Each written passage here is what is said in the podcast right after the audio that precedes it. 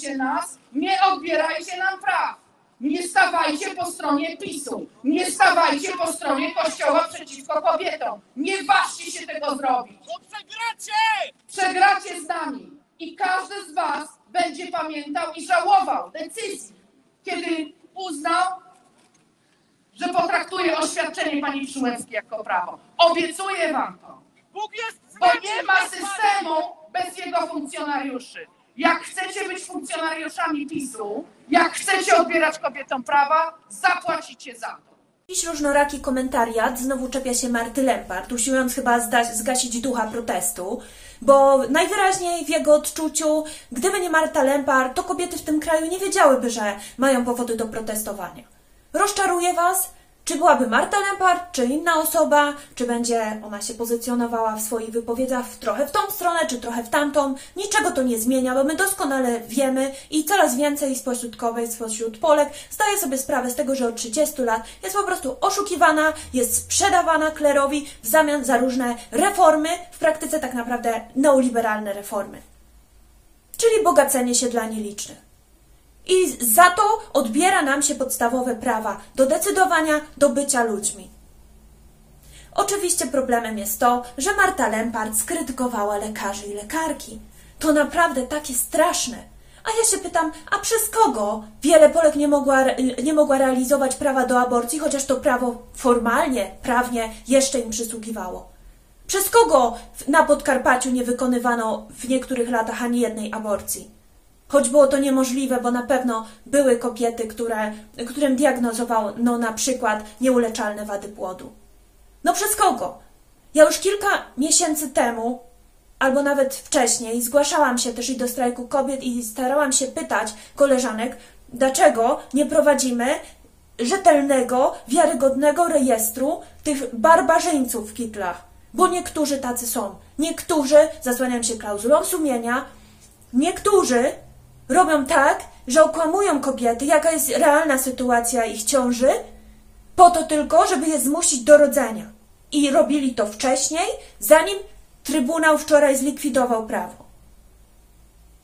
Więc może zastanówcie się, co chcecie chronić. Ona ma 100% racji. Są przyzwoici lekarze i lekarki, ale są barbarzyńcy i zwyrodnialcy, tacy jak Hazan. I przeciwko takim musimy występować. Skoro nie mamy innego narzędzia presji, innego narzędzia wywierania wpływu na tych ludzi, to po prostu powinniśmy zrobić tak, żeby tam pies z kulawą nogą do nich do gabinetu nie przychodził. Żeby to było wszędzie nagłośnione, kto w ten sposób postępuje. Kto jest antykobiecy, kto jest przeciwko życiu, kto jest za cierpieniem. Jeśli ktoś ma wątpliwości, o czym mówię, to poniżej tego filmu załączam link do zbiórki mojej koleżanki. To jest naoczny przykład tego, o czym mówię. Bo lekarz nie raczył jej powiedzieć, że ciąża jest uszkodzona, że płód jest chory. Od kilkunastu lat żebrze u ludzi, wszędzie i w mediach i nagłaśnia swoją sytuację, bo została oszukana i nie może przez kilkanaście lat zoperować ręki swojego nie w pełni sprawnego syna. Kiedy się dowiedziałam, że jestem w ciąży, bardzo się cieszyłam. Zaraz na początku pan doktor zapytał się, co by pani zrobiła, gdyby się pani dowiedziała, że ma pani urodzić e, niepełnosprawne dziecko. E, Ja oczywiście bez wahania odpowiedziałam, e, że usunęłabym ciążę, ponieważ jestem osobą młodą i być może nieprzygotowaną na opiekę nad dzieckiem niepełnosprawnym, czy w zależności jakie by to były wady. Lekarz zamilkł i do końca ciąży nie podjął więcej tematu. Oskar urodził się z lekkim wodogłowiem, z wadą serca i z e, deformacją kończyny górnej. Mamy dużą liczbę przypadków kobiet, które zwracają się do nas i sygnalizują, że lekarz e, zataił uszkodzenie płodu. Analizując sytuację kobiet na Podkarpaciu, ich sytuacja jest niezwykle trudna z uwagi na wydarzenia, które e, cały czas toczą się wokół klauzuli sumienia.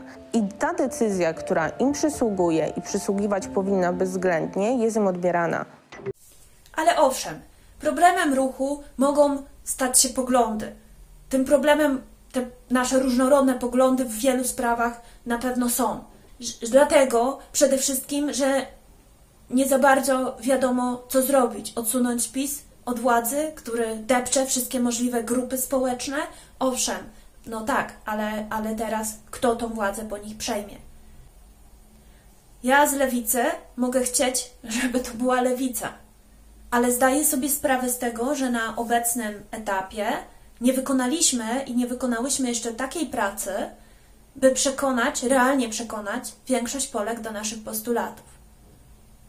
I tak, to jest, ten ruch z jednej strony jest wielką nadzieją, ale z drugiej strony ma wiele też przeszkód.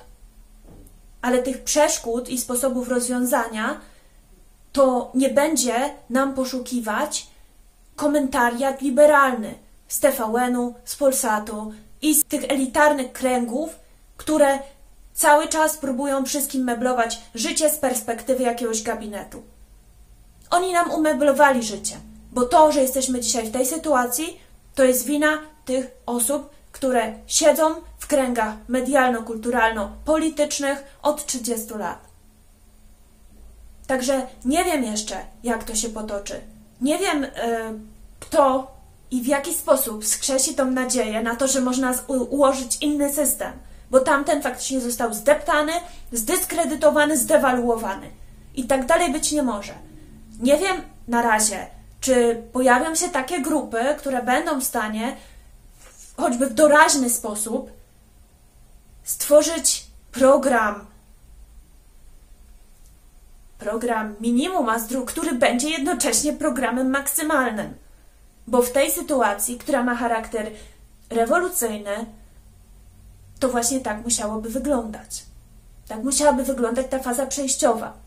Właśnie rewolucyjności nie są w stanie te wszystkie elity zrozumieć. To się w ich pojęciu nie mieści, nie mieści się w ich wyobrażeniach.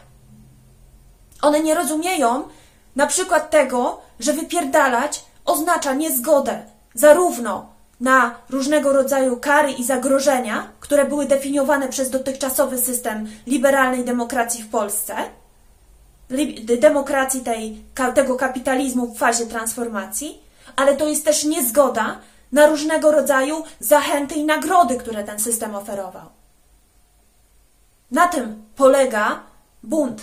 Na tym polega bunt. Z buntem się nie dyskutuje. My tu nie dyskutujemy o tym, jakie są etyczne aspekty dokonywania aborcji. Te dyskusje trwały przez 30 la- lat. I w tym momencie to już nie jest miejsce na to. W tym momencie albo dojdzie do radykalnej zmiany,